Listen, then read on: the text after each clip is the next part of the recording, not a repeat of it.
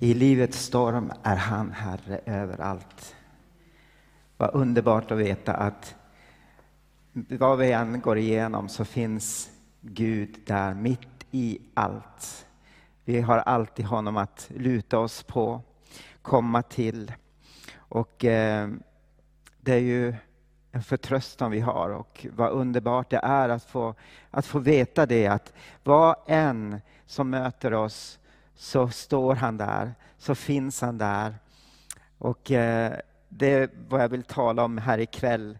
En Gud som hör våra böner. Det är ju faktiskt så här att många gånger så när människor kommer till oss och, eh, och vi vet inte vad vi ska, hur vi ska bemöta deras problem så säger vi ja, allt jag kan göra är att be. Och eh, det är ju faktiskt eh, ganska underdrivet påstående eftersom det mesta vi kan göra är att be. Eller hur? Jag vill eh, tala utifrån en underbar, ett underbart avsnitt i Matteus evangelium idag om eh, den kananit, en kananitisk kvinnas tro. Och eh, ni känner till den här berättelsen. Och jag, tror, jag tycker att den här berättelsen talar så mycket om bön, om vi ser den här kvinnan som har ett så otroligt stort böneämne. Men hon kommer till Jesus. Och låt oss läsa ifrån Matteus kapitel 15 från vers 21 och framåt. Jesus lämnade platsen och drog sig undan till området kring Tyrus och, och Sidon. Innan, dess, innan det här så har Jesus talat mycket till fariseerna och han har talat om, om eh, den mosaikiska lagen och, och så. Och, men nu är han på väg att gå till området kring Tyros och Sidon. Och då står det att det kom en, då kom en kananeisk kvinna från dessa trakter och ropade Herre, Davids son, förbarma dig över mig. Min dotter är svårt besatt. Men han svarade henne inte med ett ord. Hans lärjungar gick då fram och bad honom skicka iväg henne. Hon följer ju efter oss och ropar. Han svarade, jag är sänd endast till de förlorade fåren av Israels hus. Men hon kom och föll ner för honom och sa, Herre hjälp mig. Han svarade, det är inte rätt att ta brödet från barnen och kasta det åt hundarna. Hon sa, Jo, Herre, också hundarna äter smulorna som faller från deras herrars bord. Då svarade Jesus henne, Kvinna, din tro är stor, det ska bli som du vill. Och från det ögonblicket var hennes dotter botad.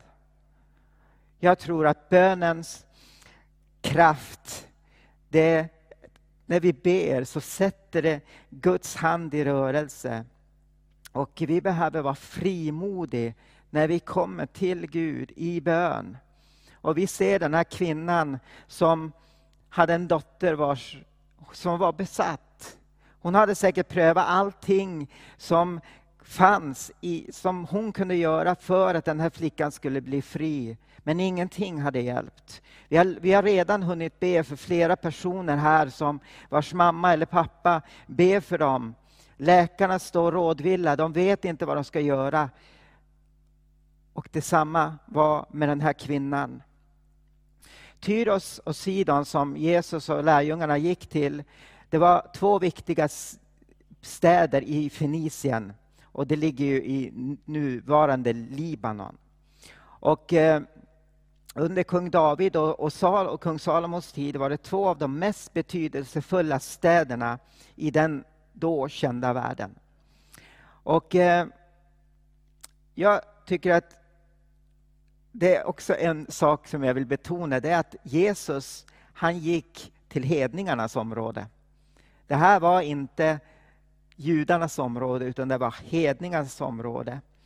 Och eh, judarna och hedningarna, ni vet att de inte hade höga tankar om varandra, utan och judarna ville inte ha någonting att göra med hedningarna.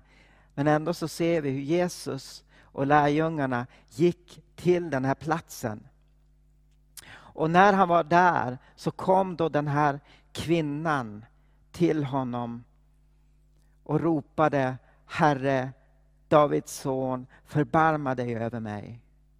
Min dotter är svårt besatt. Den här kvinnan var uppvuxen i en hednisk kultur och den här kulturen var ökänd för sin ondska och sin synd.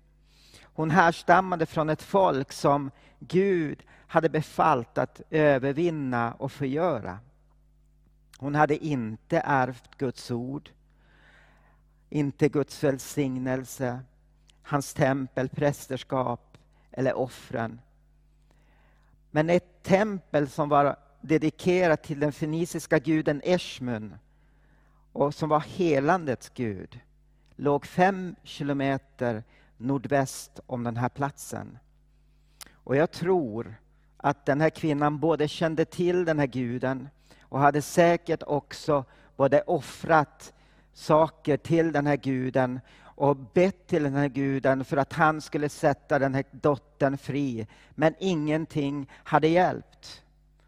Och så kommer hon till Jesus som hon säkert hade hört rykten om. Att han mötte alla som kom till honom. Han kastade ut onda andar, han helade dem som var sjuka. Han visade förbarmande med dem som var i nöd. Och därför så kommer hon till Jesus och faller ner ifrån honom. Och jag tror att bara det faktum att hon kom till Jesus, som var en jude, som inte alls var hennes folk, tillhörde hennes folk. Och det visar att hon, var det, det, hon visste inte var hon skulle gå. Hon visste inte, hon var desillusionerad.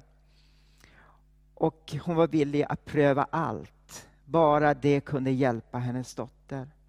Och hon visste också att hon förtjänade inte Jesu hjälp. Det var därför hon bad om förbarmande. Hon var ovärdig. Det enda hopp som hon hade det var att han skulle visa henne förbarmande och nåd. Och den här, flick, den här kvinnan kom inte heller och begärde någonting av Jesus.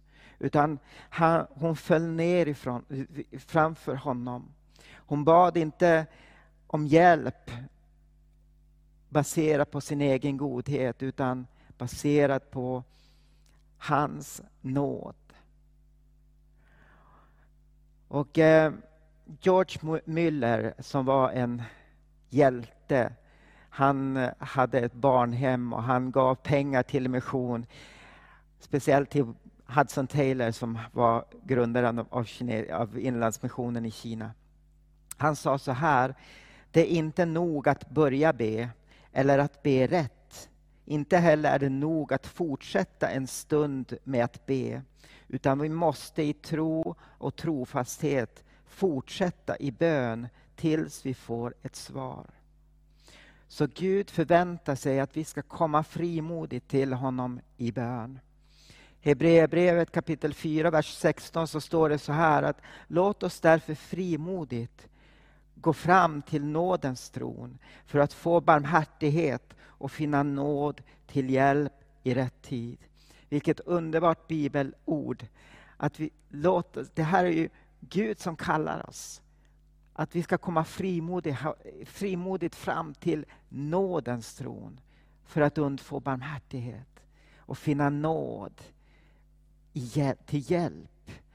Gud ber oss inte att vara svaga eller blyga när vi ber. Gud säger åt oss att komma ödmjuka, men i den helige Andes kraft. Men problemet med många av våra böner är att vi förväntar oss för lite. Allt för ofta så begränsar vi en Gud som är obegränsad. Och allt för ofta så kommer vi till honom med för små böner. För som vi redan har hört här så finns det inga för små böner. Utan allt, vi kan komma till Gud med allt. Men förvänta att Gud svarar, även om det dröjer. Det finns ingenting som är omöjligt för Herren. Ett annat misstag vi gör när vi kommer till Gud i bön är att vi kanske inte får det svar vi vill höra. eller när vi vill att han ska svara, utan det dröjer ett tag och då antar vi att han inte har hört oss, att han inte lyssnar till oss. Och här läste vi precis att när kvinnan hade, han, hon föll ner för honom och bad om förbarmande och helande till hennes dotter.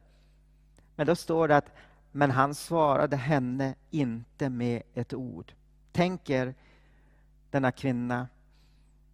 Hon får ingen feedback, ingen återkoppling från Jesus.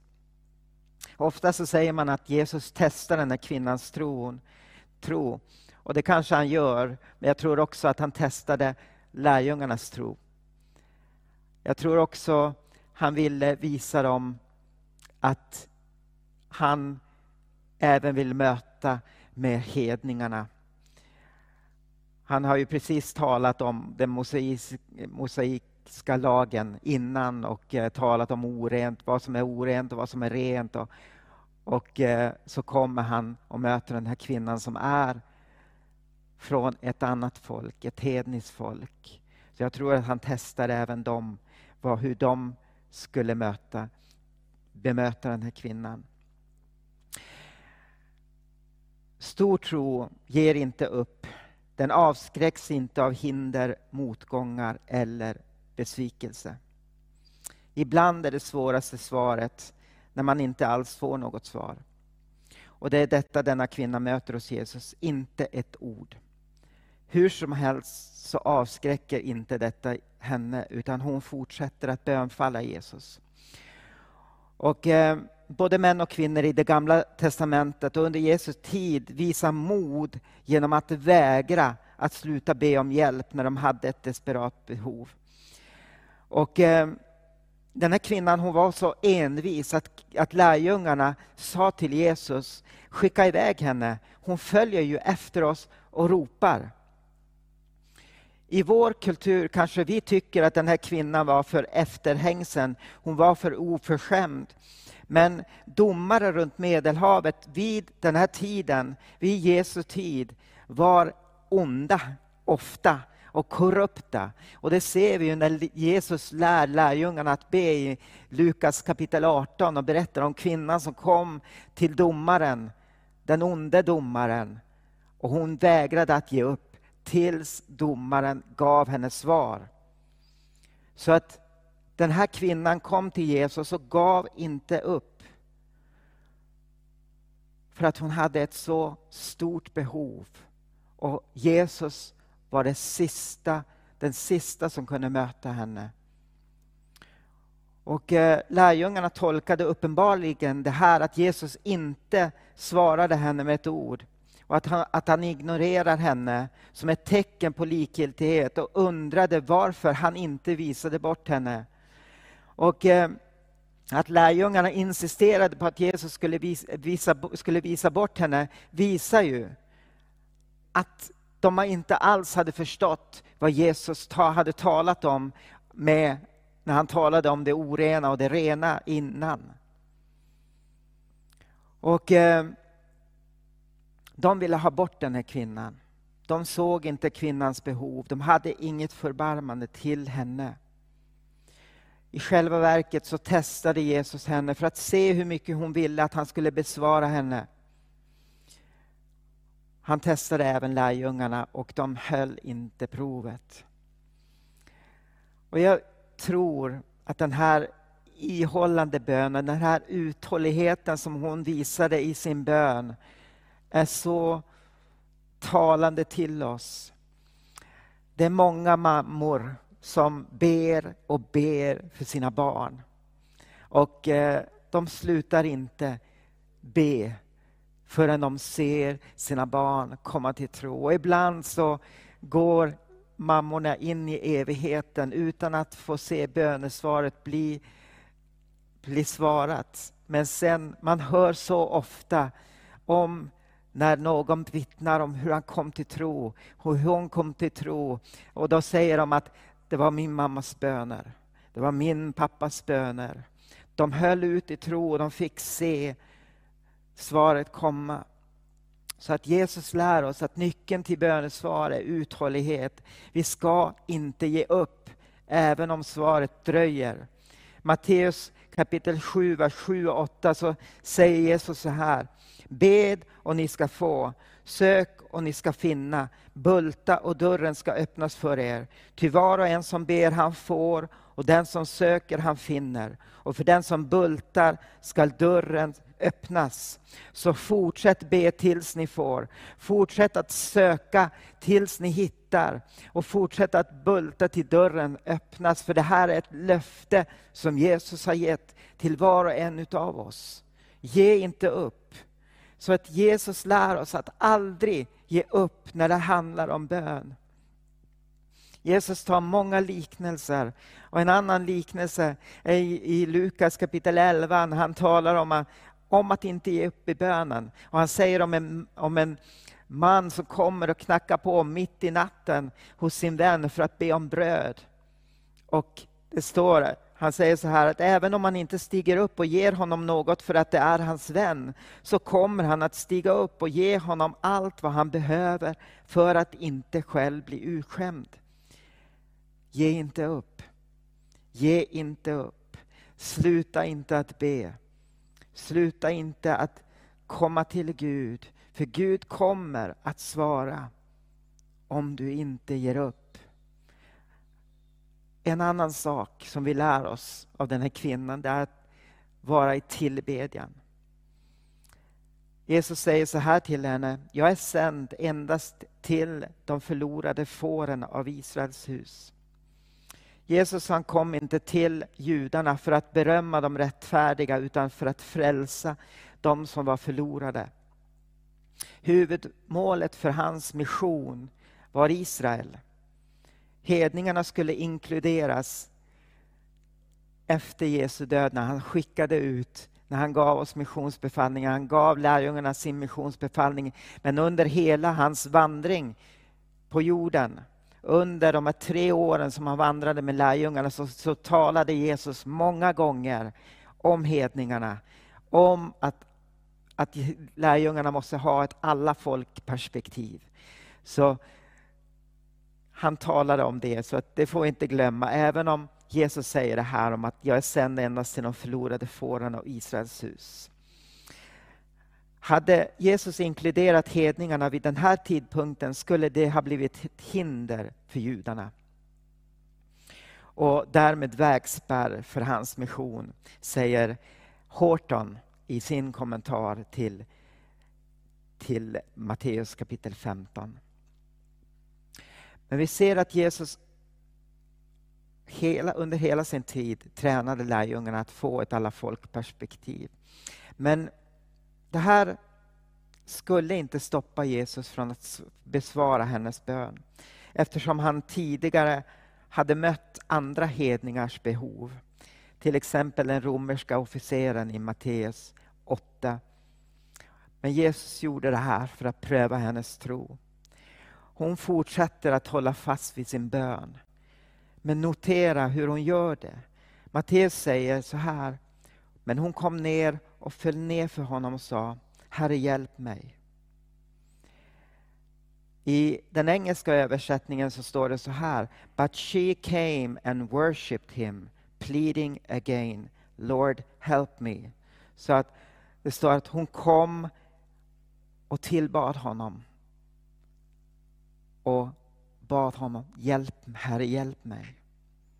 Hon kom till Jesus och tillbad honom och fortsatte att tillba och fortsatte att be honom.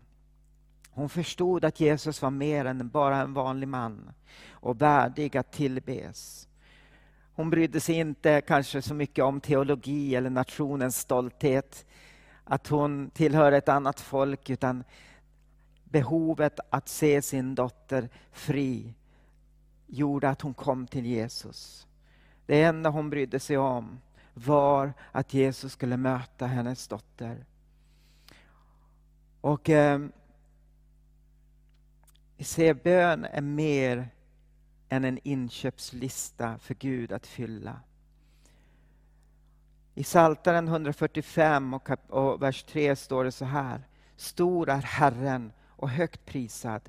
Hans storhet är outrannsaklig.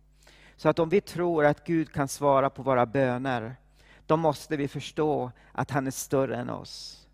Om vi tror att Gud kan svara på våra böner, då måste vi erkänna att han är värdig att prisas. Underbart! Hon kom och föll ner för honom, tillbad honom. Våra böner borde alltid börja med att prisa Gud för den han är. I Psaltaren 147, vers 5 så står det så här, stor är vår Herre och väldig i kraft. Hans förstånd har ingen gräns.